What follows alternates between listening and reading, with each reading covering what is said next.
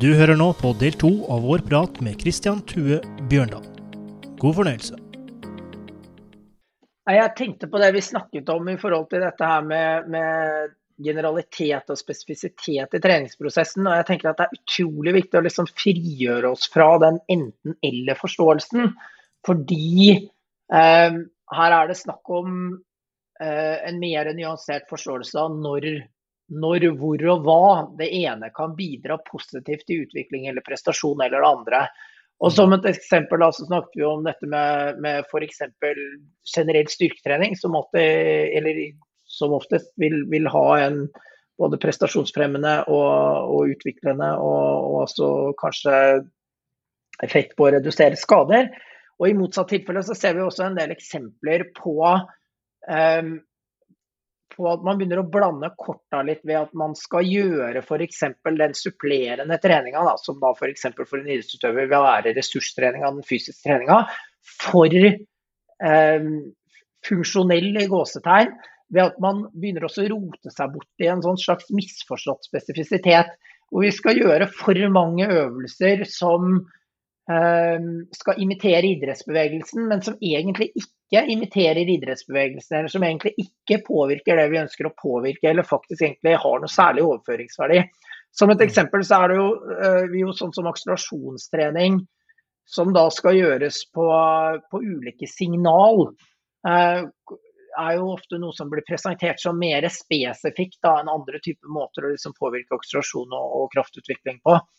Men, men, her er det jo sånn at med en gang du tar vekk den linken mellom oppfattelse og hvilke signaler du oppfatter i spillesituasjon eller i konkurransesituasjon i individuell idrett, og bryter ned det til noe annet, så er egentlig den linken borte.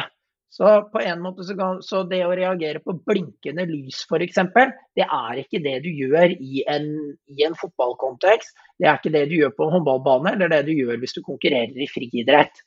Mm. Uh, det å Eh, da reagere på andre typer signaler som ikke er spesifikke. Allerede der så er den spesifisitetslinken brukt. Og Spørsmålet da er hva, hva slags overføring vil du egentlig ha hvis, hvis den treninga f.eks. ligner litt, men, men, eller ikke er nok annerledes, og heller ikke er nok lik det du egentlig eh, trener for. Og kanskje vanner ut den prosessen. Og det tenker jeg er viktig da, hvis du følger opp den ideen rundt rundt kjerneaktiviteten. Det å ivareta kjerneaktiviteten som betyr høy grad av spesifisitet, men hvor toleransen er lav.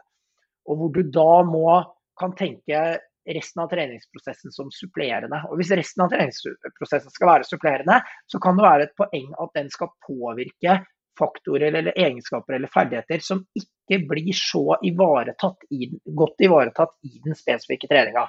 Styrkekraft vil da være et, et godt eksempel. Men i motsatt tilfelle så vil sånn som kondisjon da være noe som i min forståelse i hvert fall blir i aller høyeste grad godt ivaretatt i den spesifikke idrettstreninga for en håndball- eller fotballspiller. Riktig, riktig. Så da ja, riktig. Så det du kan gjøre i, på fotballbanen eller håndballbanen, gjør det i håndball- og fotballbanen. Ikke, ikke isoler eh, alt, men du kan isolere noe. Eh, og det er fordi du må isolere det, i så fall. Ja, og det kan være supplerende. Og når jeg da tenker på den supplerende delen i treningsprosessen, så trenger ikke Da er ikke uh, da er ikke, da er ikke nødvendigvis spesifisitet alltid det, det, viktigste målet. Altså Det kan mm. være overførbart uten at det er spesifikt. og Jeg tror det er litt viktig å tenke på. da.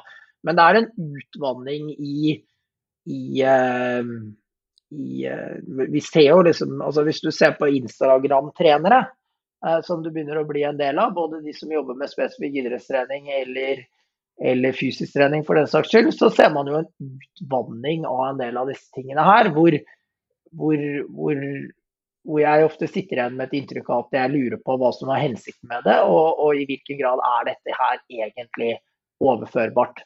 Og da, da tenker jeg at det går an å være kritisk i begge ender av skalaen. Både når det blir for spesifikt i gåsetegn uten at det egentlig er så veldig spesifikt, eller hvis det blir for generelt i den forstand at man forelsker seg i generelle treningsformer eller andre treningsformer. eh, olympisk vektløfting, eh, altså eh, styrkeløft som konkurranseform, mm. eh, Russian kettlebells, crossfit. Altså, det er et eller annet med at, med, at, med at, alle disse siste eksemplene der er jo egne idrettsgrener.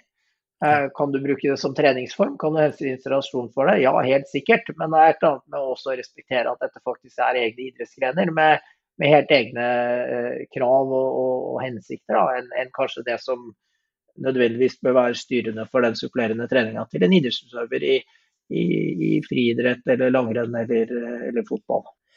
Så når det kommer til reaksjon og dette med visuell stimuli, er du da ikke en fan av det som kalles fitlight, tror jeg?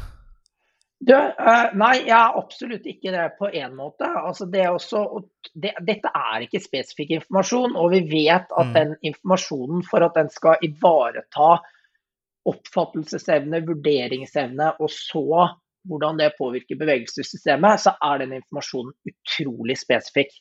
Eh, det mm. betyr at eh, selv hvis, når, jeg bryter ned en øvelse på fotballbanen på en måte som, tar, som, eh, som gjør at informasjonen blir annerledes enn det jeg opplever i, i den spillesituasjonen jeg egentlig trener for, gitt at det bare er reglene eller plassen eller banestørrelsen eller et eller annet som betinger den på en helt spesiell måte, så er ikke den informasjonen spesifikk lenger. Og det vil aldri blinkende lys være heller. Når det er sagt, så har jeg kjøpt blinkende lys til den eh, håndballskolen for håndballmålvakter som, som jeg har, eh, har, drevet sammen med en som heter Thea Granlund nå i ganske mange år. Og, og, eh, og, de bidrar jo i en altså Da trener vi Da er det ofte sånn at vi har mange håndballmålvakter som trener sammen. Eh, og de trener jo da en form for Eller da ønsker man å påvirke noen generelle fysiske egenskaper og ferdigheter. Man ønsker mm. også å påvirke Og vi trener også en del eh, isolert teknikktrening. Og vi prøver å gjøre den isolert teknikktreninga mer spesifikk, mer kontekstbasert.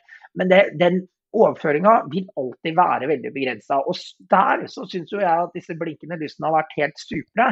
Fordi, fordi eh, det gjør at disse målvaktene, når de øver på utfall, altså, eller utfallsteknikker, som er det disse målvaktene gjør, så kan de ikke bestemme seg for hva de skal gjøre på forhånd. Så du får en, altså du får en simulert oppfattelse, vurdering, utførelse der. Men den mm, er mm. ikke i nærheten av det de opplever i spillesituasjonen. Så da er det jo helt annet man forstår at denne treninga kan være et viktig supplement. Vi jobber da ofte med 13-14-15-åringer. Eh, men, men, men, det er ikke altså det, det, er et supplement. Det vil aldri erstatte kjerneaktiviteten. Og når jeg jobber da med, eh, med håndballtrenere og, og målvaktstrening, så er det veldig viktig for meg å meg å prøve å kommunisere at her er det viktig at og Det samme gjelder en fotballkeeper. da, er at Den treninga her, for at den skal være effektiv for disse, så må den skje i spillesituasjon under lignende forhold som under kamp. Da kan de ikke vite hva de skal gjøre på forhånd. Fordi her og, det, Måten du kan observere på at dette her går riv ruskende gærent på, det er at hvis jeg forteller deg hva du skal gjøre på forhånd, så får du det til hver, bra, nei, hver gang. Det ser, godt, det ser bra ut teknisk, du beveger deg effektivt. Men med en gang du ikke vet hva som skal skje på forhånd, og du da må bevege deg på om det er blinkende lys, eller enda bedre, noe, en spillesituasjon hvor du må lese angrepsspiller og, og, og, og forsvarsspiller, så bryter teknikken fullstendig sammen. Og i min forståelse så bygges ikke dette effektivt opp ved å da måtte repetere bevegelsen for så å skulle legge på det som egentlig gjør det spesifikt. Jeg må ivareta dette med oppfattelsesevne, vurderingsevne, utførelse fra mm. start av. Jeg må ikke starte, på, starte, i bevegelsen isolert, jeg må starte i spillesituasjonen. Men så kan jeg kanskje supplere treninga etter hvert med, med, med, med, disse isolerte bevegelsene. Men da snakker vi jo egentlig en avansert form for oppvarming. Altså Det er liksom egentlig ikke så mye mer enn det.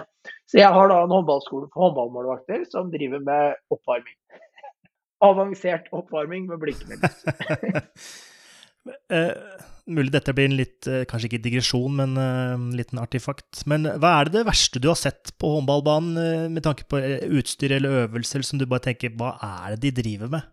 Vi har, ja, vi har, kanskje tre eksempler i håndball. Da. Nå har vi dreid litt av diskusjonen vår inn mot fysisk trening. Det er fordi det er lett å diskutere, og det er også et av mine interessefelt. Men dette her eh, går jo mye breiere, så vi kan prøve å løsrive oss litt fra det også.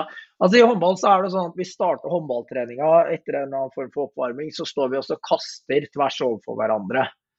Mm. Um, front mot front. Uh, så det er, vi bruker en del tid på å, å kaste i en situasjon som aldri skjer igjen resten av treninga eller i den kampsituasjonen. Så Man kan jo også tenke seg at den formen for oppvarming heller ikke er veldig spesifikk. fordi i alle de andre situasjonene så tar jeg imot ballen fra siden, forfra, bakfra, altså med mye større grad av variasjon. Og jeg avleverer også ballen alltid til uh, i, i, ulike vinkler, aldri rett fram når jeg bare i fremoverspillet. Så at allerede der så bruker vi ganske mye tid som, som, som er litt sånn waste of time, da. Mm. Uh, det neste vil være målvaktoppvarminga, hvor uh, målvaktoppvarminga er, uh, er forhånds, forhåndsbestemt og gjør at de målvaktene egentlig bare repeterer bevegelser som de hadde bestemt seg for på forhånd, istedenfor å faktisk lese hva det er som skjer. Og Dette er jo ganske enkle grep man kan gjøre. Det er jo bare å legge inn valg, et, et enkelt valg for angrepsspilleren, som kan være så banalt enkelt at de velger hvilken side av en forsvarsspiller med passiv eller redusert forsvarsmotstand de, de, går til. Og hvor de da må skyte rette skudd, da, som gjør at det ikke blir for stor variasjon for målvakta f.eks. Og det tredje som datt inn i hodet mitt nå, det må jo være bruken av fotarbeidsstiger. Men da kan det hende at dette er litt farga av hvordan det så ut i den, en av de siste klubbene jeg, jeg, jobba, i. Hvor, hvor den fotarbeidsstigen har fått en sånn eh, altså, Gudene vet hva det var han egentlig skulle være godt for, men det er jo i hvert fall ikke sånn at altså, den, hvis du snakker om motorisk utvikling eller motorikk, koordinasjon, det er spesifikt. Dette mm. her er ikke spesifikt. Hvis du ønsker å påvirke kraftakselerasjon, som kanskje er det andre eh, argumentet noen ganger, så påvirker det kraftakselerasjon i hvert fall suboptimalt, da, for å være snill. Så det er, tre, det, er, det er, et par ting jeg kommer på. Men norsk håndball er jo ganske prega av um, Og dette ligger implisitt, så det er ikke sånn at dette er liksom i bevisstheten til, til, alle hele tiden. Men er, er ganske prega av en veldig sånn spillbasert tilnærming til håndballtrening. Fortsatt så er det sånn at den forståelsen eh, jeg møter ute, er at man må ofte liksom bryte det ned til ulike deler fra, fra bar, i barne- og ungdomshåndball, for så liksom bygge det opp til spillesituasjonen.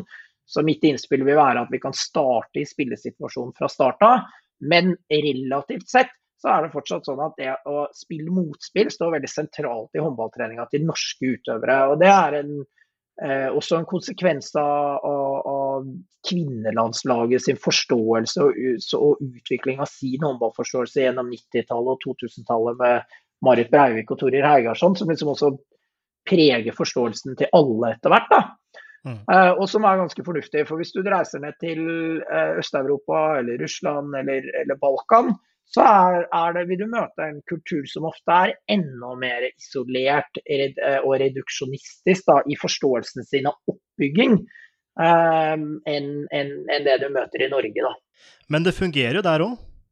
Det fungerer der også, og jeg tror det er jo et kjempegodt innspill til at altså alt, alt, alt, går jo her. Altså mm. det er sånn at eh, Noen ganger tror jeg vi også overvurderer hvor, hvor komplisert dette her trenger å være.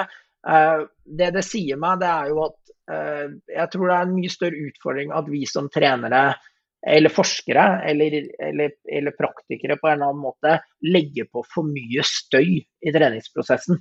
Mm. Uh, og så er det litt sånn at hvis det, hvis det er gøy, uh, og jeg kan gjøre det med høy kvalitet, så er det veldig mange ting som kan være med og bidra på en positiv måte. Så det er kanskje ikke én måte Um, eller min forståelse av treningsprosessen og en optimal treningsprosess er kanskje ikke den, den forståelsen som er riktig og viktig. Her går det an å gjøre ting på forskjellige måter og få et godt resultat.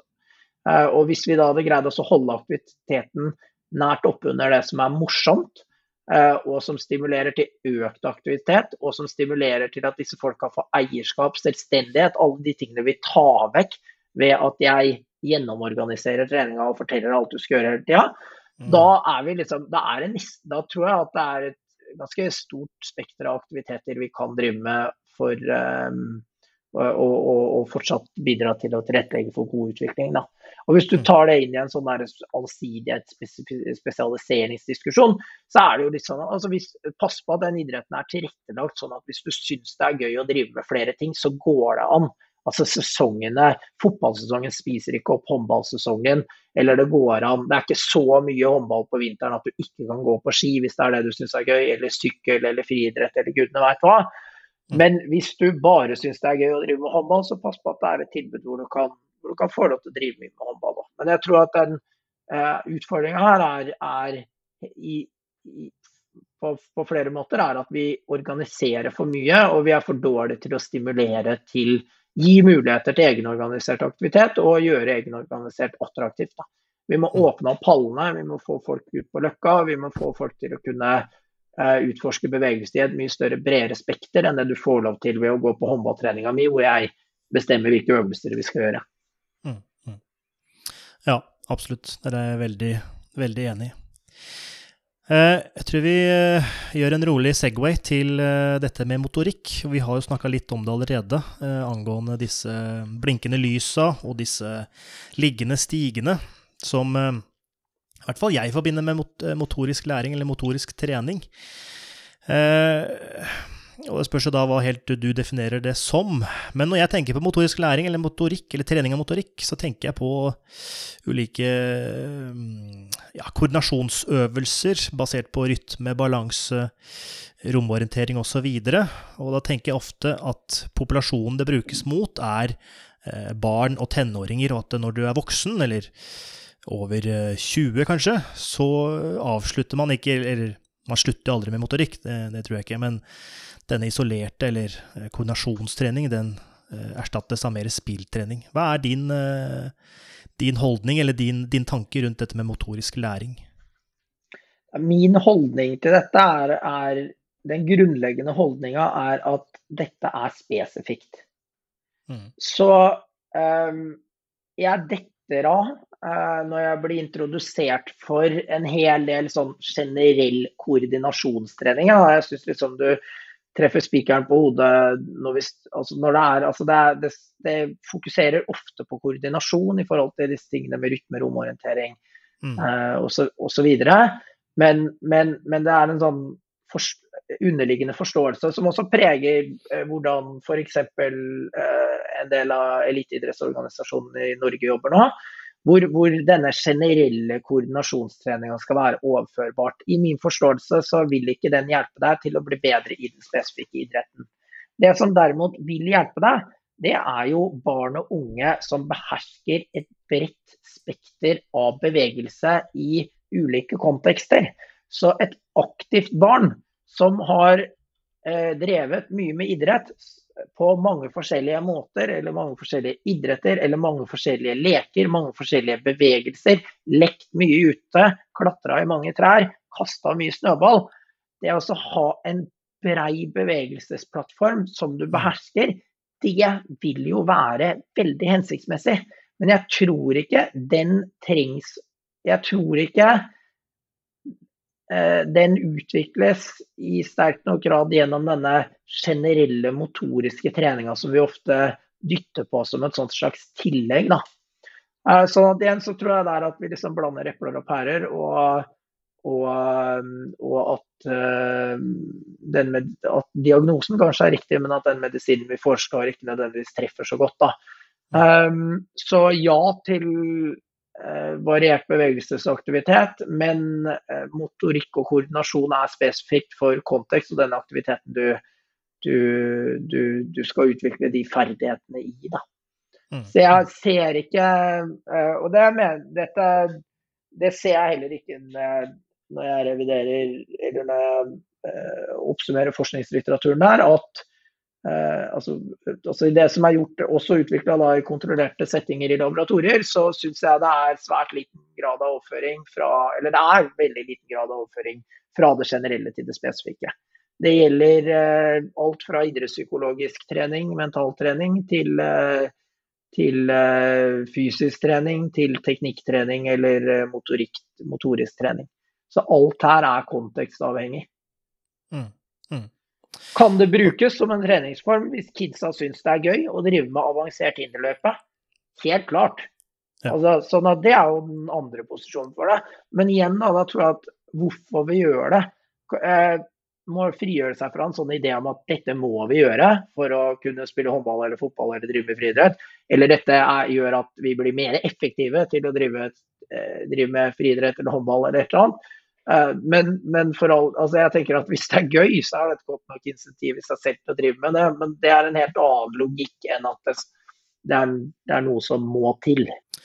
Og det har jo øh, Det er jo en avdeling i en annen institusjon som jobber nær deg, som heter Teknikk og motorikk i Olympiatoppen.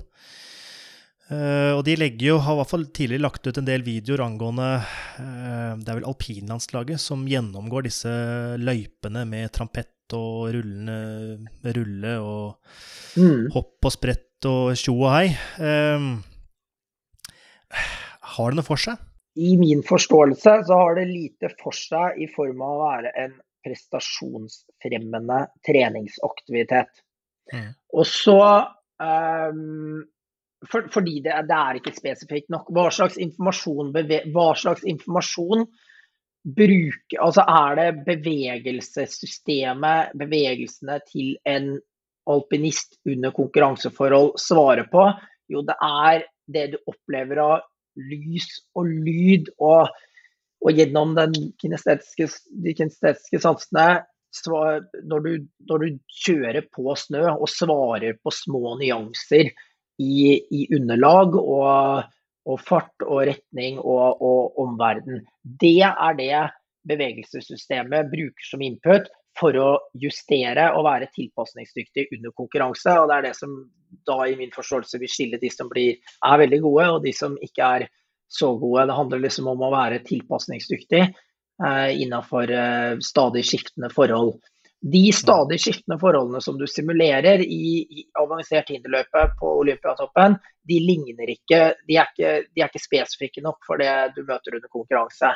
Når det er sagt, så er det jo vanskelig å vite når eh, Olympiatoppen eller andre legger ut en øvelse her og en øvelse der, så er det jo fryktelig vanskelig å vite hva slags kontekst, hva mm. slags plass har dette i treningsprosessen til utøveren. Mm. Eh, var det oppvarming til styrkeøkta du gjorde etterpå, eller til, annen, til noe annet du skulle, eh, som var litt morsommere og litt mer variert? Eh, eller var dette det treningsuka ble bygd opp rundt? og det viktigste vi gjorde denne uka. Og jeg tror da at liksom, konteksten for hvor dette her ble plassert inn i en stor helhet, blir jo da viktig for å for å, um, for å skulle oppsummere eller trekke konklusjonen om dette her var eh, eh, greit eller ikke greit. Eller ja. viktig eller, eller, mindre viktig. Men, men det er, jo, gjør, gjør, jo også et annet poeng der.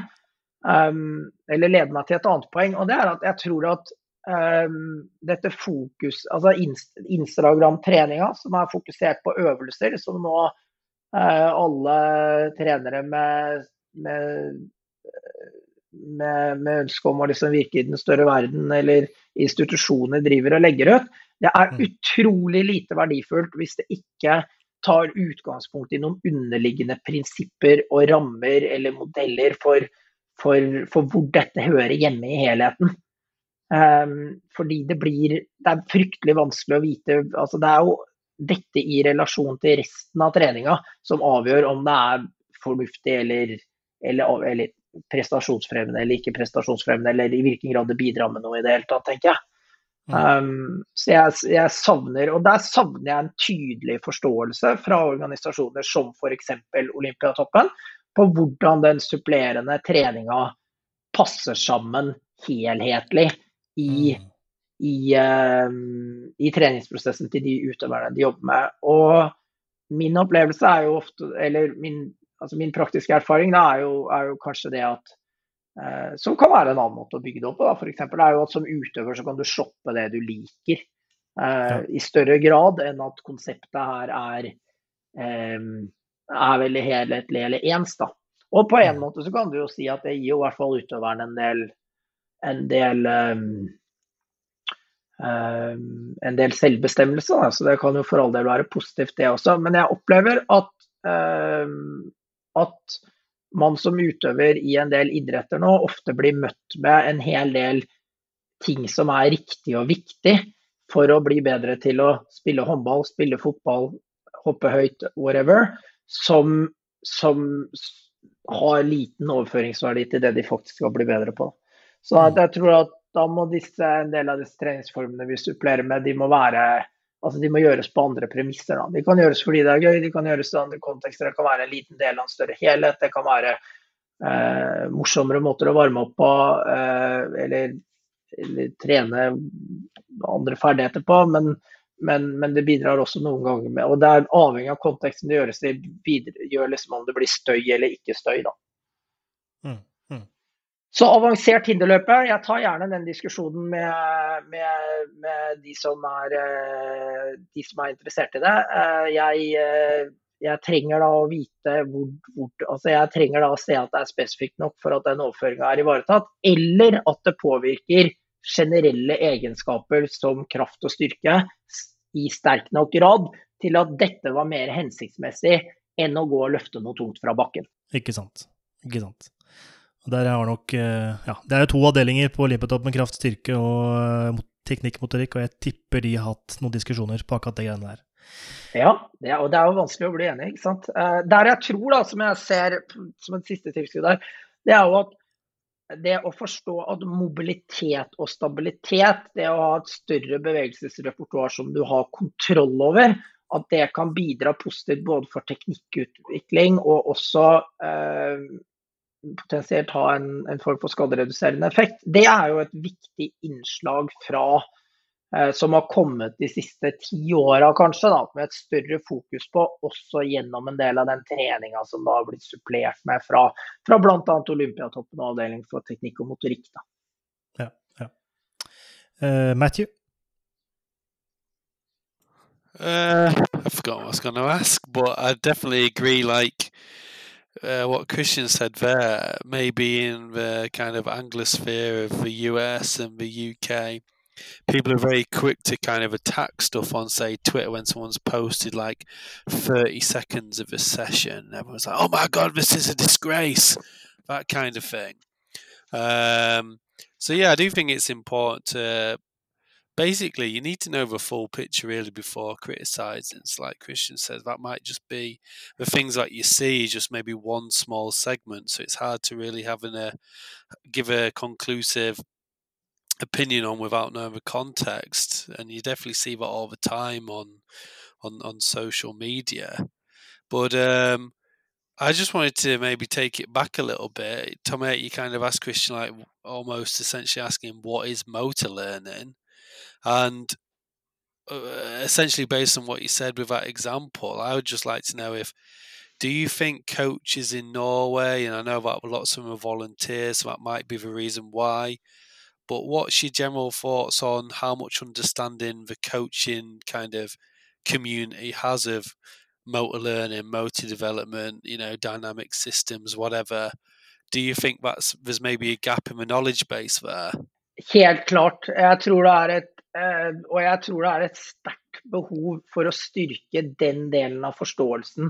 Og litt som jeg innleda med at, uh, tidligere, at, at jeg, jeg savna det som student og som trener selv. Var, altså hvis, jeg tror ikke jeg var klar over det da, men jeg var ferdig her oppe på idrettshøgskolen og også da hadde eh, topptrenerutdanning i forbund og og, og også en del år med trenererfaring under beltet. Hvis noen hadde spurt meg om hvordan ferdighetsutvikling i idrett skjer, eller håndball, da, så, så, ville jeg ikke kunne beskrevet det teoretisk. Og det å bevege seg inn i det landskapet har gitt meg utro, en utrolig viktig ramme for å sette sammen disse puslespillbitene. Og jeg syns det er utrolig synd at eller jeg tror det er viktig, da, for å snu på det på en positiv måte, jeg tror det er veldig viktig at uh, vi, uh, idrettsinstitusjonene og forskningsinstitusjonene og de akademiske institusjonene og særforbundene med trenerutdanningen i spissen tar dette på alvor og, uh, og kan på en måte liksom konseptualisere en del av det de holder på med innafor en felles forståelse av motorisk læring og utvikling. Um, og, og, jeg møtte det rett og slett ikke som student, fordi på idrettshøgskolen så var det ikke noe miljø hvor, hvor dette sto sterkt eh, den gangen jeg studerte. Eh, derimot så har det vært det i, i, Trondheim, på NTNU. Og jeg ser jo at dette er noe som har vokst eh, mange andre steder i utlandet. Da. Så når jeg leser og når jeg De jeg prøver også å holde tritt med her, de sitter jo stort sett i Portugal eller i, i, på Sheffield Hallam i, i Storbritannia, og, og, en og annen i Makedonia og, og, Frankrike. Og jeg tror at du ser et paradigmeskifte innafor eh, forståelsen av motorisk læring som har kommet eh, spesielt fra midten av 90-tallet og, og, vokst seg sterkt gjennom 2000-tallet, hvor et økologisk dynamisk perspektiv, eh, det er vanskelig å argumentere Altså passer bedre med det de fleste er en som er Eller den, den er også den erfarte virkeligheten. Eh, enn en, en mer tradisjonell informasjonsprosesseringsmodell og, og FITs stegvise modell for motorisk utvikling. Alle disse modellene som er lineære og og, og, ofte veldig basert på, på egentlig en sånn, hvordan hjernen fungerer. Da. Så jeg tror vi trenger også å åpne opp og forstå det å bryte ned den, det motsetningsforholdet mellom hjerne og kropp her, er viktig. Og jeg tror også at tiden er moden for å gjøre det på et praktisk nivå. Da tror jeg ikke vi trenger masse nevrobiologisk kunnskap, men jeg tror at det er viktig at det får lov til å eh, skape en felles plattform for ferdighetsutvikling i idrett og i håndball, som jeg er spesielt opptatt av. Så Håndballforbundet reviderer jo trenerutdanninga si nå.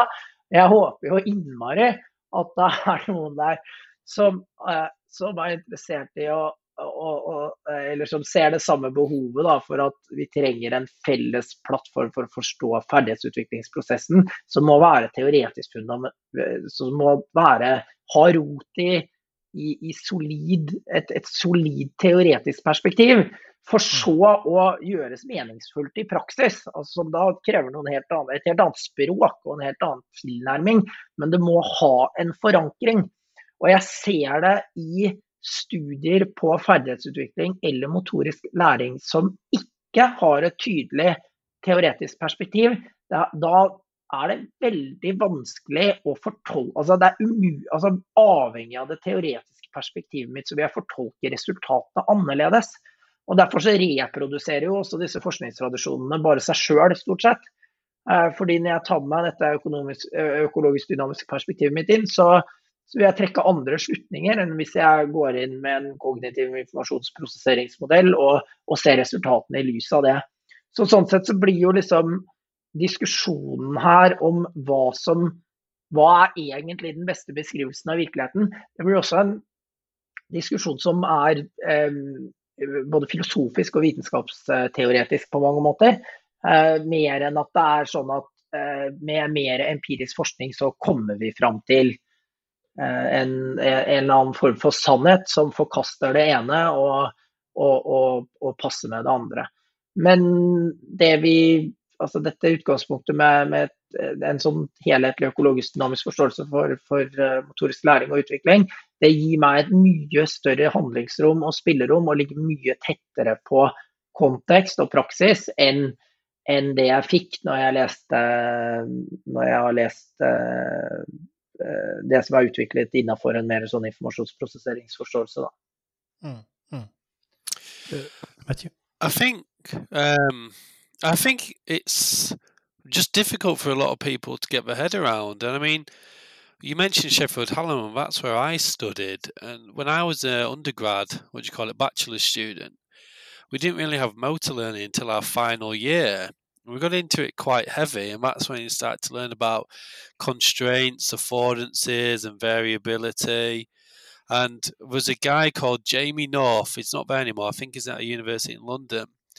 And I remember him introducing us to some stuff on variability, and we was looking at things like diving, like three meter diving, um, and basically showing like even in a activity that looks so rehearsed and so consistent, like salto, salto, salto, there's even lots of variability in in that kind of performance. Basically, every time you jump on that diving board, there's a variation in in how you perform those movements, and that kind of opened it up to me a lot.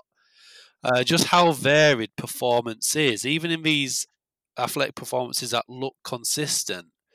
And I think, first of all, for coaches involved in sport, it's difficult to maybe get their head around like the kind of all the terminology related to motor learning. But I also think it kind of really goes against what they understand sport and movement to be. So, as an example, I show the students I've got at the moment about this idea of varied performance in something like shot put. And there's a video taken from a paper where we basically get this guy to throw a shot put in like multiple different ways. And even though they've got the evidence literally right in front of them showing how this varied practice has improved performance for those participants, the students still just don't buy it. They don't understand why you'd need to vary the practice for something like throwing a shot put. What's that in Norwegian? Kuglestart. So I don't know if like dynamic systems approach or just systems based approaches and like this idea of basically let people work it out themselves to a certain extent. I think it maybe just challenges their understanding of sports movements far beyond what they understand. So they just don't they just don't buy it, if that makes sense. Jeg, jeg følger deg helt der, Matt. Og, og jeg tror at eh, det første som er viktig, er jo at hvis vi skal tilgjengeliggjøre dette her som en sånn overordna forståelse for hvordan ferdighetsutvikling skjer, eller bevegelsessystemet selvorganiserer seg, da, som egentlig er det vi snakker om, så er vi jo dønn avhengig så er, jo, så er språket en barriere her. fordi jeg har brukt ti år på Eller jeg har ikke brukt ti år, men jeg brukte jo mange år på å lese den samme boka igjen og igjen før jeg greide å få et sånn intuitivt forhold til det som er et veldig komplisert begrepsapparat. Da. Men når du tar et sånt eksempel, så når jeg eh, underviser mine studenter her, så føler jeg at vi på, med mine andreårs bachelorstudenter, som er der dette introduseres, så føler jeg at med, et, at med en av mitt ene bein i praksis og mitt ene bein i liksom denne teoretiske forståelsen, at jeg greier å oversette det og variabilitet er liksom en fantastisk utgangspunkt for oss å begynne å nøste i disse tingene. Og, og, og hvordan det, det, var jo, et, var jo et, et, lys som gikk opp for meg også, når jeg forsto at disse bevegelsene som jeg trodde var like hver gang, akkurat som du sier, absolutt ikke er det. Fordi frihetsgraden i bevegelsessystemet er så omtrent uendelige at, at en bevegelse med, som får samme resultat, kan settes sammen på ulike måter.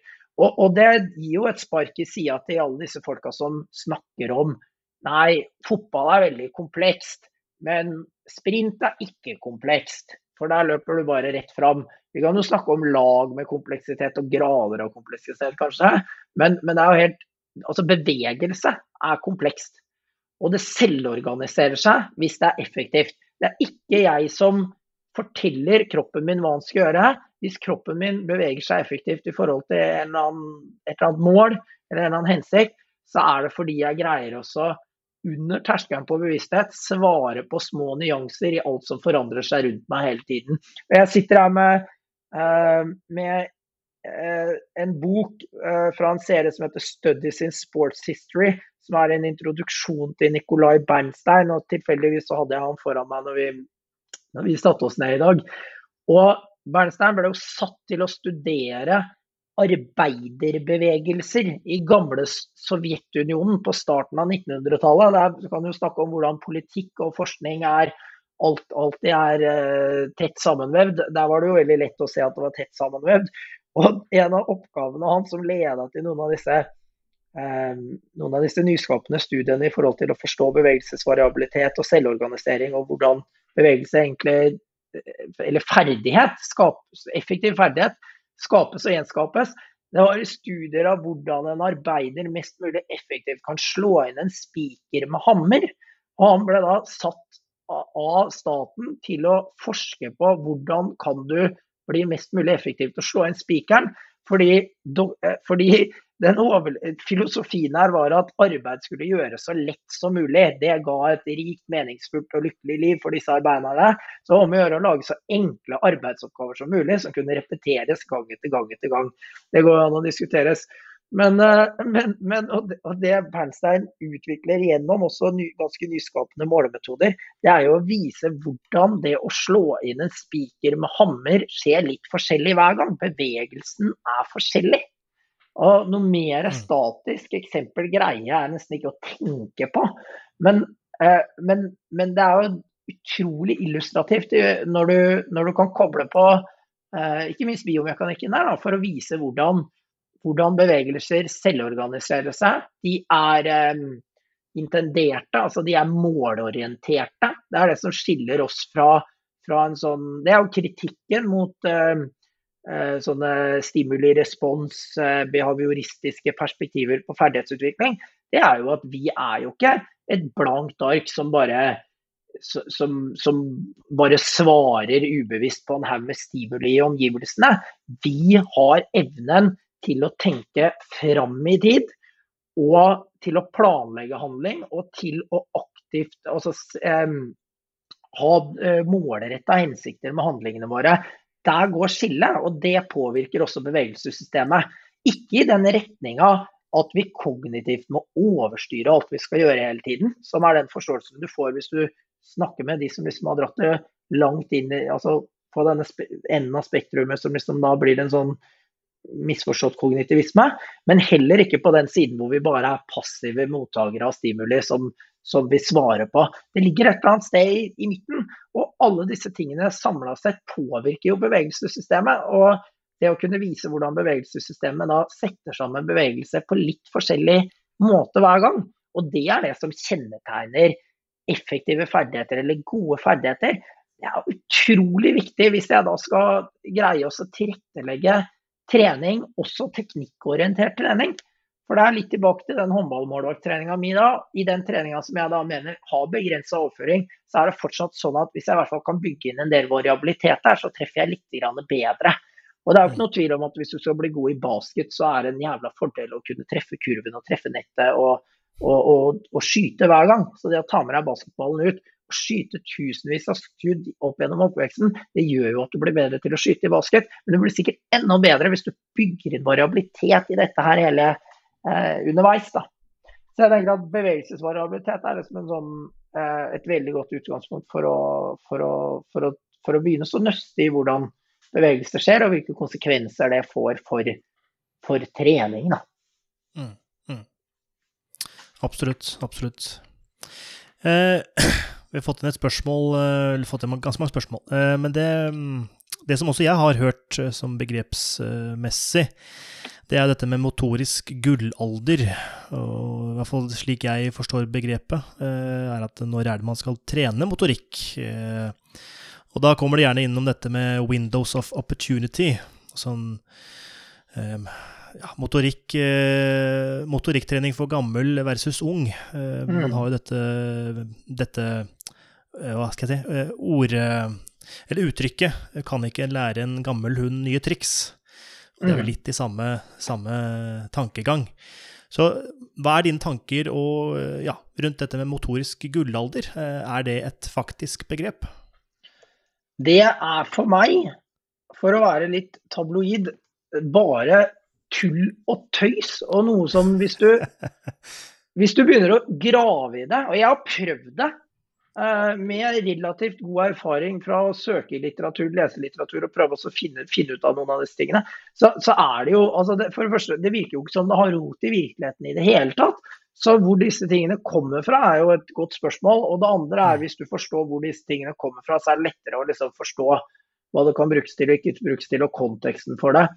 Um, der det preger forståelsen vår i idrett, slik jeg ser det, det er jo uh, gjennom dette kanadiske rammeverket som heter long term asset development model, som eksplisitt eller implisitt har blitt um, spist og, og, brukt av idrettsorganisasjoner over hele verden, og som utgangspunkt for utviklingstrapper både i Norge og utland. Og som også er noe forferdelig vrøvl. Uh, grunnen til at det har blitt, noe, blitt, populært, det er jo fordi du, det er gule bokser med piler og fine farger, og du kan putte hva som helst inni deg. og fortsatt kalle det det samme. Altså Du kan fylle det med helt forskjellige ting av innhold, og fortsatt si at du forholder deg til en sånn langsiktig utviklingsplan. Det er min kritiske forståelse av long term active development model. Den er ikke empirisk eh, forankra. Så Istvan Balji, som er en av de, en ungarsk forsker som kom til Canada, som er en av de som har utvikla dette rammeverket, eh, det er et sammensurium av mer eller mindre eh, overgeneralisert eh, empirisk forskning som er kokt sammen i en lapskaus eh, og serveres i en vitenskapelig innpakking. Og jeg tror at det der med vitenskapelig innpakking er helt sentralt her. For hvis du hadde forstått at dette her i hvert fall ikke er vitenskapelig uh, i, i, streng forstand, så hadde det jo gått an å diskutere om det kunne hatt noe verdi allikevel. Da. Der kommer også der argumentet for hvorfor du skal følge disse trinnene, og hva disse trinnene skal inneholde. Det er denne ideen om motorisk gullalder. Jeg finner mm. ikke den igjen i noe seriøs litteratur jeg leser. Um, det er jo sånn at barn og unge er utrolig tilpasningsdyktige. Så, eh, og det er du eh, langt på vei gjennom hele livsforløpet. Jo mer forskning vi får på eh, nevroplastisitet f.eks., så ser vi jo hvordan mennesker kan lære både kroppslige og kognitive ferdigheter i sterk grad gjennom hele livsforløpet. Altså, vi har studier på idrettshøyskolen som viser effekten av maksimalstyrketrening på folk over 80 år. Så snakk om å lære noe nytt og kunne få noe ut av noe nytt, liksom. Sånn at denne her ideen om at hvis du ikke lærer det nok, så er du ferdig, den er ganske gammeldags. Samtidig så er det jo igjen tilbake til dette her at hvis du kan eksponere barn og unge for et bredt spekter av bevegelsesaktivitet, utvikle bevegelsesrepertoaret, det kroppslige repertoaret og sånt, kjempepositivt. Um, men uh, ofte så brukes jo disse her med altså det, det, dette diffuse uh, Windows of Opportunity-begrepet eller motorisk gullalder brukes jo for å argumentere for all slags mulig forskjellig trening. Ja, derfor må vi trene masse sånn da, masse sånn da, masse sånn da. Altså Det også fylles jo bare med alt mulig rart og ingenting. Uh, og jeg tror at det er utrolig begrensende hvis vi tror at disse tingene, hvis vi tenker at disse tingene kan ikke utvikles etter tolv års alder, da, f.eks. Eller et eller annet sånt. Uh, samtidig så er det selvfølgelig en fordel hvis du skal bli for, for uh, utøvere som skal drive med idrett på høyt nivå langt fram i tid, at de, at, at de, er, gode, at de er, gode nok. At de, er, at de, at de ikke henger for langt bak i ferdighetsutviklinga. Du trenger kanskje ikke være eh, den som er tidligst ute, men du trenger å være eh, god nok hele tiden da, til at du får lov til å være med på disse tingene og fortsatt liksom få stimuli eller, eller, bli stimulert til å kunne bruke tid og krefter og energi og, og, og fortsatt utvikle det. Men, men ikke pga. Eh, ikke pga. du må fylle opp med en eller annen spesiell trening i disse åra. Um, og jeg tror at det der da med motorisk uladder, altså jeg finner rett og slett i altså Jeg vet ikke jeg greier ikke Altså, jeg, ikke, jeg, jeg kommer ikke over empirisk forskning som greier å dokumentere uh, noe utover at selvfølgelig er disse tingene veldig tilpasningsdyktige, og man er veldig lærenem da, når man er barn og ung. Og Det er man også gjennom tenårene, og, og igjen vi er det også i voksen alder. Så motorisk gullalder eh, det er igjen et, et blir et begrep som for meg er tomt, som jeg kan fylle med hva som helst, men som er fryktelig populært å kaste rundt seg. Mm. Mm. Matthew? I just think it goes back to what I was kind of alluding to earlier. Like, I think people would like that though. I think people would like LTAD because it's simple, or like this idea of nope, you can't do that after 12 years old because it's really clear. And like, um, I uh, well, I argue. I discuss this with Tom Eric all the time. Like, uh, but I just think that's a very Norwegian thing. I think Norwegians would love that. This is what you do until the age of twelve, and then you close that box, you move on, and you do something else. And it's really like specific, really concrete. So it kind of goes back to a point I was saying about coaches. Like everything you're talking about, Christian, is basically complex and it's the way it should be. And that learning about sport and learning to be an expert performer is complex. Um, but people don't like that. So, hmm. how do we convert what you're saying now so that it makes sense to Man and Igata or all the coaches who are listening and going, yeah, yeah, cool, but just tell me what to do. And when you're saying, well, it depends, I don't know what the answer is, if you see what I mean. Jeg tror jo da at vi trenger å bygge opp et treningskonsept da, eller et utviklingskonsept som er basert på uh, mer basert på gode prinsipper for hva er en god treningsøvelse, hva er en god trening. Uh, som i min forståelse egentlig varierer ganske lite fra barn til voksen. Det er selvfølgelig må skaleres og sånne ting. Men det er ikke sånn de riv ruskende nødvendigvis forskjellig, annet enn at innslaget av en del sånn supplerende trening blir større gjennom utviklingsforløpet. Da. Eh, jeg tror det er veldig viktig at vi presenteres tidlig for at uh, en, denne, disse lineære forståelsene av utvikling, det er jo det som er det, det grunnleggende premisset hvor alt går helt gærent her. Så alle utviklingstrapper, utviklingsmodeller, treningsmodeller som er basert på en idé om, denne, om lineær utvikling, de er riv ruskende gærne.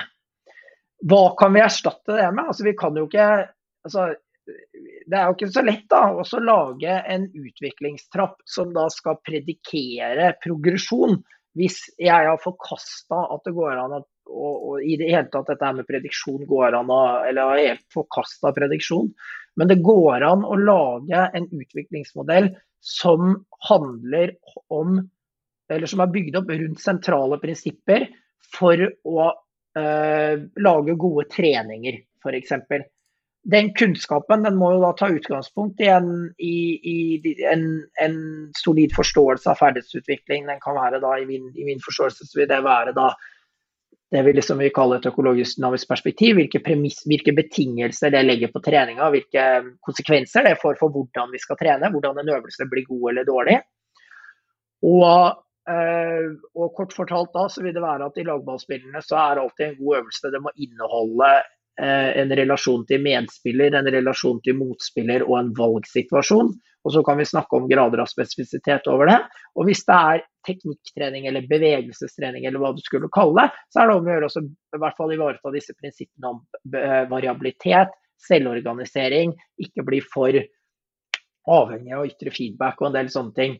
Samtidig så kan vi koble på da gode prinsipper eh, som driver deltakelse og selvbestemt, og forsterker selvbestemt motivasjon i idrett. Så hvis vi går til da både den idrettssosiologiske forskninga og den idrettspsykologiske forskninga, så kan jeg bygge opp en treningsaktivitet og et og sosialt miljø som har noen prinsipper som mest sannsynlig eller som, hvor noen prinsipper står sterkt, som forhåpentligvis greier å stimulere til mer aktivitet, mer trening, mer idrettsglede.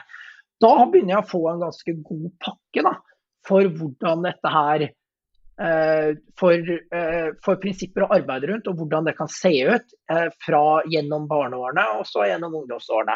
Og så kommer det en del, så er det en del ting som endrer seg både strukturelt og, eh, og ikke minst med inntog av puberteten og sånt nå, hvor det er andre ting som blir viktig å ta høyde for. Hvis du tar puberteten som et eksempel, da, så får du noen problemer når den inntreffer. Det ene er at skaderisikoen vil jo uh, vil, uh, øke for mange.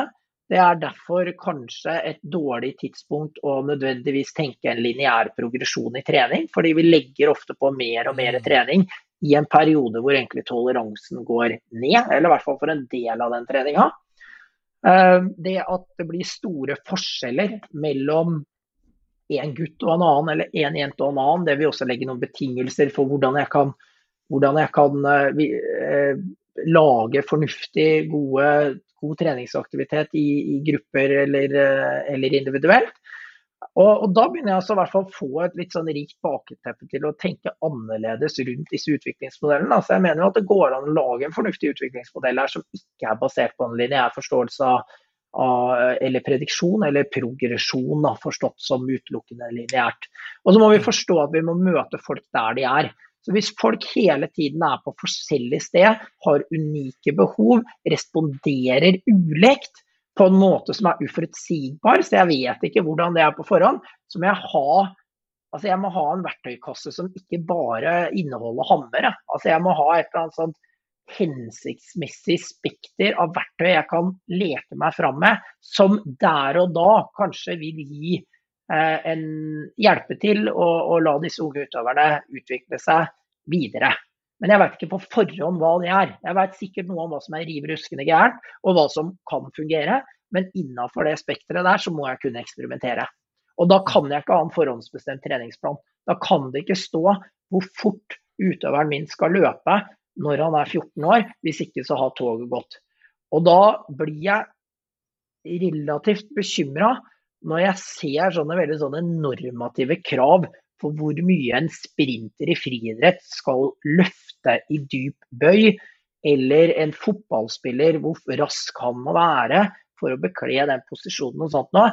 Altså, dette fungerer bare hvis jeg henger meg opp i gjennomsnittsverdier. Hvis jeg hadde gått inn og mm. sett på variasjonen i, i, i, i uh, egentlig da, i variasjonen i høy ferdighet på høyt nivå i idrett, så er den variasjonen kjempestor. Altså Verdens beste fotballspiller er jo ikke lik.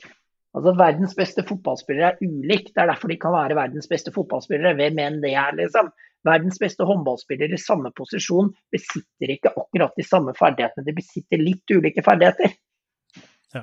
Det er det som gjør de unike. Og Da kan ikke utviklingsmodellen være, handle om at folk skal bli mest mulig like. Nei, Det er et absolutt godt poeng. og Jeg tror nok uh, man potensielt går glipp av en del eh, uh, talent, tipper jeg. Av, pga. at man tenker at læring og utvikling skjer lineært. og Tror du ikke det, at man, man, går glipp av en del talent der ute som kanskje ikke har den lineære progresjonen man kanskje ikke ønsker, men som man tror skal skje?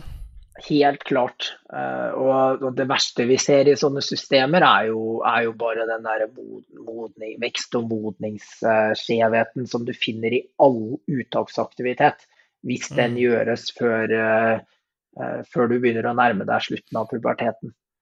Mm. Og og vi går glipp av vi går glipp av en del av det som kan være unikt, spennende, nyskapende, fordi vi har altfor sterke normative forventninger til hva det er du skal kunne, og hva, hvordan du skal være. Det har vi jo ikke snakka så mye om, men det blir jo en annen effekt. Um, som er litt sånn toegga sverd. At når vi begynner å bli flinkere da, til å drive sånne talentutviklingssystemer, så blir vi veldig flinke til å lære unge utøvere hvordan de skal være, hvordan de skal opptre, for å passe inn i bildet av en toppidrettsutøver, f.eks. Eh, som ligger litt lagelig til for hugg, og som skaper en sånn ensrettahet som kanskje egentlig ikke er det vi ønsker. Så når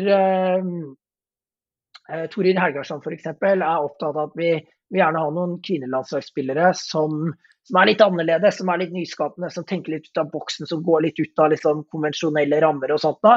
Så uh, sitter jeg på kontoret mitt på idrettshøyskolen og tenker at ja, Torir, jeg er helt overbevist om at du ønsker det, men jeg ser også hvordan vi, vi lærer de fra ganske tidlig alder, hvis de er i systemet, hvordan de skal være, hvordan de skal opptre. Som absolutt ikke legger til rette for at du skal for at du skal passe på de som er litt annerledes, da, og gi de disse liksom, gode vekstmuligheter. Så er det jo mm. selvfølgelig ikke sånn at alt, alt, alt funker. Men det er et eller annet med at uh, vi gjør en hel del ting som vi er både er klar over, som er eksplisitt, utviklingstrappene, og en del ting som er implisitt. Holdningene våre, normene våre, verdiene våre i sånne spillerutviklingsprosesser. Som gjør at spillere eh, eller utøvere ofte må passe inn i bokser som blir veldig trange. Da. 24, ideen om 24-timersutøver er jo et godt eksempel på det. Det er jo noe som er selvfølgelig velment. Og selvfølgelig er det sånn at en ung person som greier å eh, en, altså, holde orden på alle, alle, alle, områdene i livet sitt, eller, eller, eller, være flink til å sove og, og spise fornuftig og hvile fornuftig, vil, vil, kunne dra nytte av det. Men det er også en, det er også en kime til til, eh, til, en sånn misforstått normativ idé om at bare vi greier å liksom hyperstrukturere, så blir det bedre.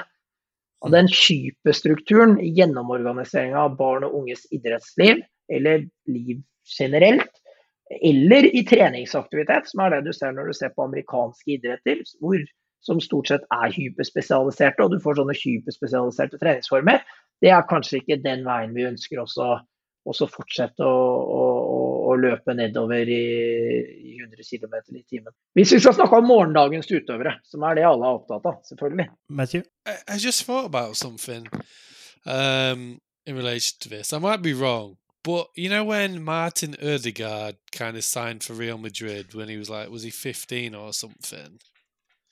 Didn't it, didn't his dad basically just start doing like a tour of Norway saying, This is how he trained? And everyone kind of like had their pens out and was scribbling like literally every word he said. Or, have I dreamt that? Have I made that up? I swear that's there's some truth to that story, right?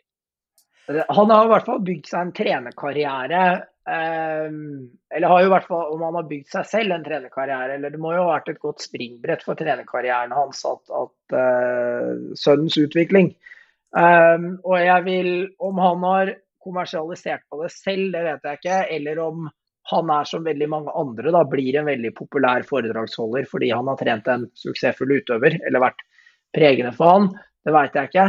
Men, eh, men, men, det er et veldig godt eksempel da, på, på, hvordan vi ofte forelsker oss i hva altså I sånne enkelthistorier om hva noen har gjort for å komme dit de er. Det er jo, kan jo være jævla, det kan være veldig lærerikt, og det går an å hente inspirasjon fra det. Men, men, det går, men, jeg kan ikke Men ofte så er jo min, min erfaring at det blir liksom Da skriver jeg det ned, noterer flittig. Og så løper jeg hjem til den klubben eller de gutta eller de jentene eller de utøverne jeg trener. Og så kjører jeg på med mer av det samme. Og så tror jeg at resultatet skal bli likt. Og det blir det jo aldri. Det er selvfølgelig ting det sikkert går an å hente der, og en hel del ting det ikke går an.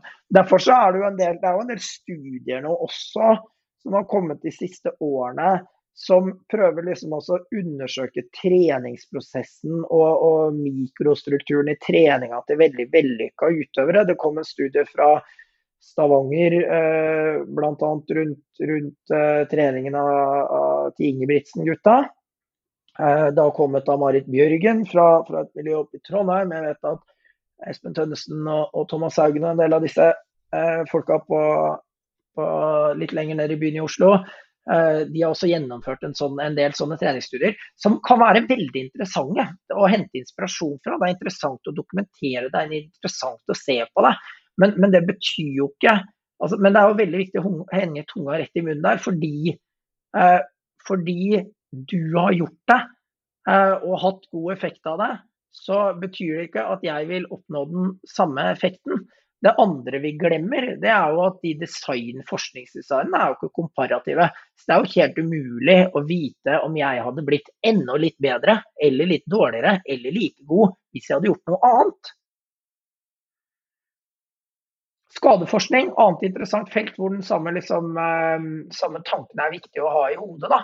Ofte så undersøker vi jo effekten av én spesiell protokoll. Ikke mot et vrimmel eller, eller, et mangfold av andre protokoller, men mot det å gjøre ingenting eller det å gjøre noe som er veldig annerledes eller et eller annet sånt noe. Og så henger vi oss opp i enkeltøvelsene etterpå hvis de har effekt, liksom. Som sier veldig lite om de enkeltøvelsene kanskje kunne vært litt annerledes hvis de ivaretar de sentrale prinsippene. Biomekaniske eller fysiologiske eller, eller gudene veit hva det skulle være. Eh, og, og hatt samme effekt, bedre effekt eller litt dårligere effekt. Det vet vi jo ikke.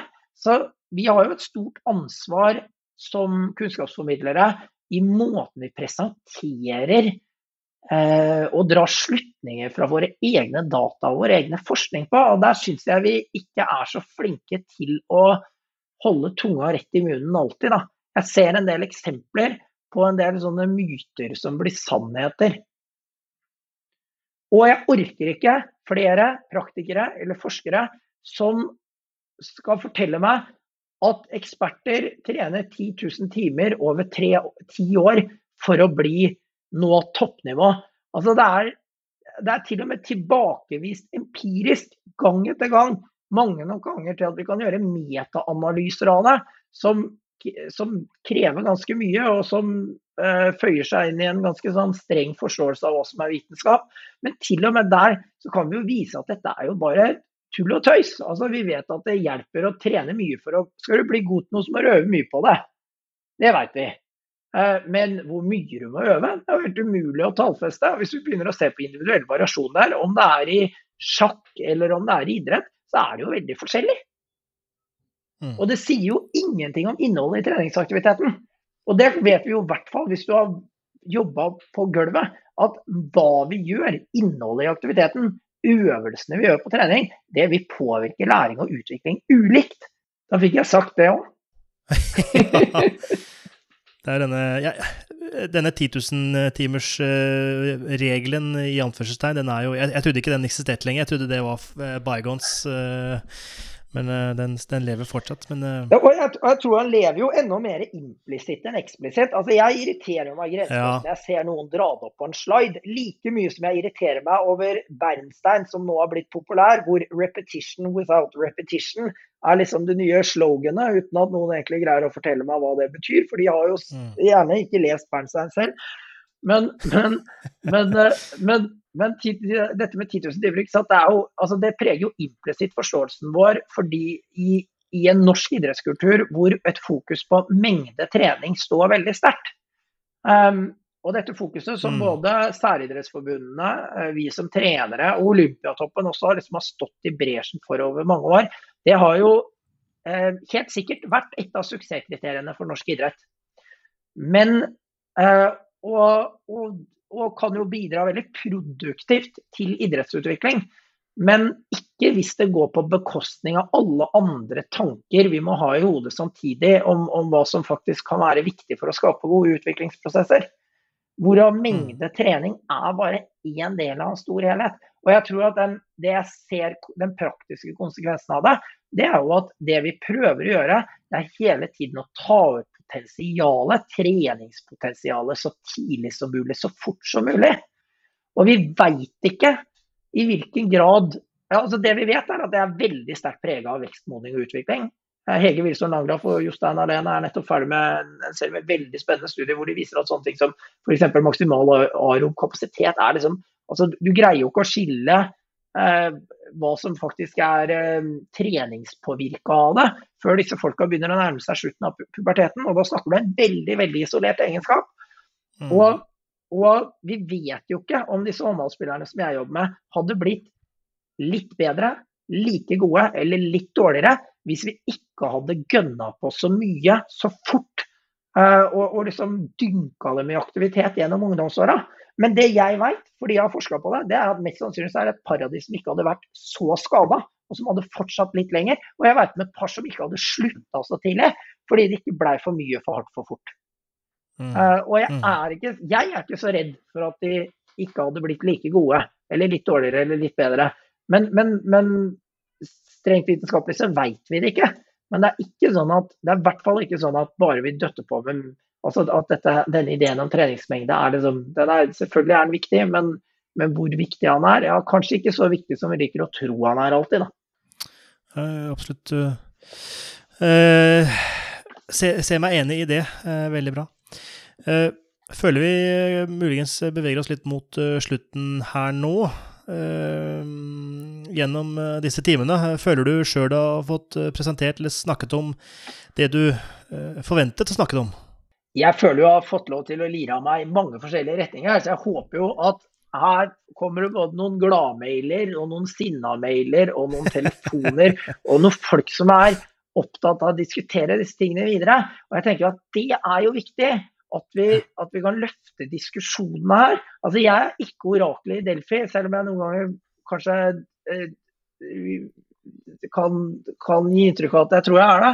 Sånn at, men, men jeg, tror at det er noen, jeg tror at det er viktig at vi i akademia er med på å stimulere diskusjonene på praksisfeltet. Og i 2020 mm. så tror jeg det er viktig at vi jobber for en vi jobber for en vitenskap som greier å ha flere tanker i hodet samtidig. Det betyr at da kan jeg ikke da må jeg kunne både løfte blikket og også bore ned i materien i de disiplinene som ligger hjertet mitt nærmest. Og eh, vi kan være med på å ut, utfordre en praksis som stort sett bare reproduserer seg sjøl. For det er det vi gjør i praksis. Det er ikke, mm. det er, mm. Eh, det er ikke så mye innovasjon som vi liker å tro hele tiden. Da. Så, og, og, greier vi å få løfta de diskusjonene, da, så kan vi jo kanskje gli inn i gli, Eller være med på å drive utvikling framover. Så er jeg helt sikker på at um, hvis vi skal snakke sammen om ti år, så er det uh, så, min, så, håper jeg at min forståelse har utvikla seg, sånn at en del av de tingene jeg tror er veldig viktige og riktige i dag, de har forandra seg litt. Og det er kanskje noe annet og sånt, nå, forhåpentligvis ikke for langt fra utgangspunktet. For jeg syns jeg har vært gjennom mye av kverna nå. Men, men, det er jo fryktelig. Disse tingene må jo også være i utvikling og være dynamisk og, og, og, og forandre seg. Det kjennetegner en god utviklingsprosess. Ikke at det er statisk og at vi har funnet fram til svaret med to streker under, og det er det samme i morgen. Absolutt. Absolutt. Matthew? Yeah, I just completely agree with that. You, you, breath of fresh air, really, Christian. I think we, we need more people like you, kind of willing to kind of trying to think how to say that, but you're willing to put an opinion out there and risk maybe saying something that's someone else might disagree with. And I definitely think we need more of that generally in academia and, and specifically within our field. But um, I've actually got a question for you from somebody who I'm not who I'm not going to name, and I think it's a nice way to to conclude what you've just been talking about. Obviously, you've talked a lot about um, theory and practice and literature and a really informative um, podcast here. But this, uh, who will remain anonymous, this person has asked, Spør han om han følger sine prinsipper for coaching når han spiller på bedriftslaget på NIH, specifically football. And I'm not going to say who that is, but I'm sure you've got a response for that. Um, som eh, eh, som etablert bedriftsfotballagspiller på Norges idrettshøgskole, så har jeg i en alder av 35 år kommet til den forståelsen av at det er en av mine viktigste ventiler i løpet av uka. Um, jeg tror og håper at de fleste utøvere jeg har jobba med eller trent, uh, at de kan være enig i at, eller oppleve at Eh, en del av de tingene jeg sier jeg er opptatt av, også gjenspeiler seg i praksis. Derimot så tror jeg at min, min måte å håndtere motgang og medgang på på bedriftsfotball på Norges idrettshøgskole, den tror jeg bryter med alle prinsipper på hvordan jeg selv ønsker å opp, opp, opp, opptre som trener, eller hvordan jeg ønsker at mine utøvere nødvendigvis skal håndtere ting på banen. Men når det er sagt, jeg tror ikke det er Vi er jo en fin gjeng, da, så det er jo mange andre som har det sånn.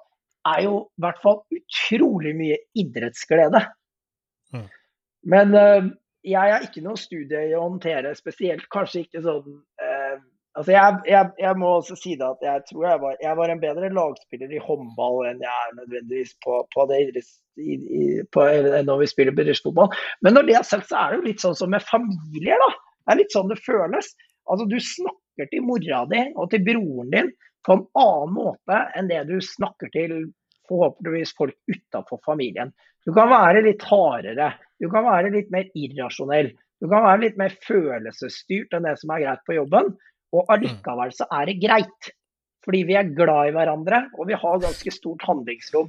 Så jeg velger å tro da, at det er liksom det landskapet jeg opererer i når jeg spiller bedriftsfotball. Og det er fryktelig gøy.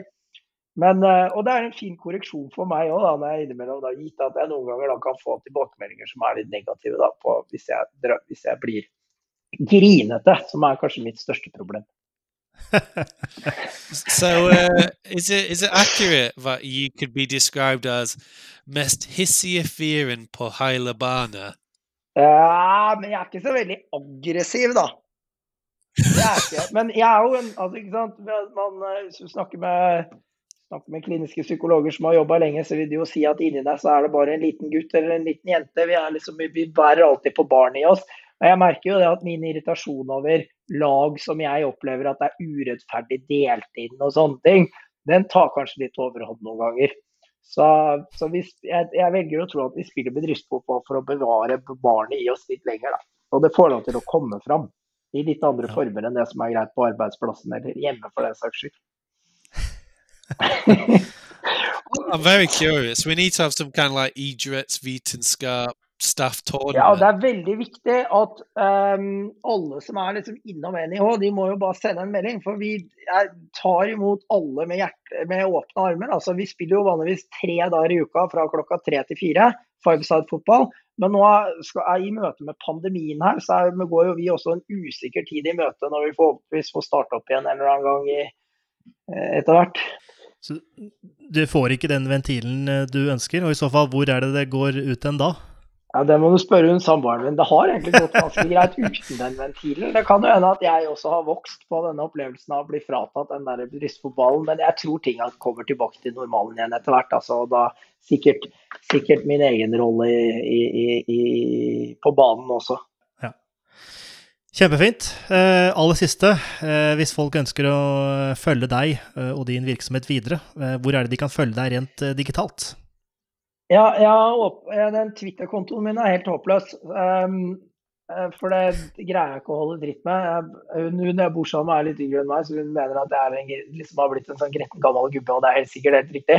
Men jeg er god på e-post. Um, så Christian ja. ch.bjorndal, Bjørndal rett fram, bare med o istedenfor ø, at nih.no, er alltid Eh, en lett måte å få tak i meg på. Ellers så har jeg en nettside som heter www.håndballcoach, håndball med a.no, hvor jeg prøver å skrive noen sånne korte um, oppsummeringer på norsk av uh, forskning som jeg og de jeg arbeider med gjør, som er relatert til håndball, trenervirksomhet eller ferdighetsutvikling.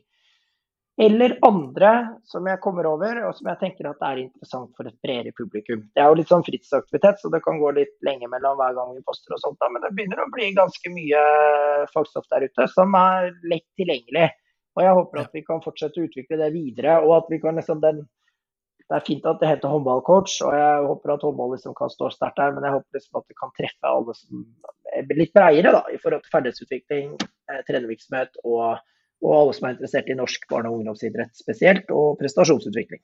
Ålreit. Ja, og den uh, siden kan jeg uh, si at det er veldig god og har veldig mye godt innhold, og det er uh, ja, nokså lettskrevet, vil jeg påstå, og lett, lett, formidlet og ja, lett å forstå. Fint. Da vil jeg takke for praten, Kristian. Topp sending. Jeg kommer gjerne tilbake, og send meg ved en annen anledning. Og, og ta gjerne diskusjonen hvis, hvis, hvis, noen er interessert i det. Absolutt. Det var det for denne gang. Takk for at du hørte på, og vi høres om litt.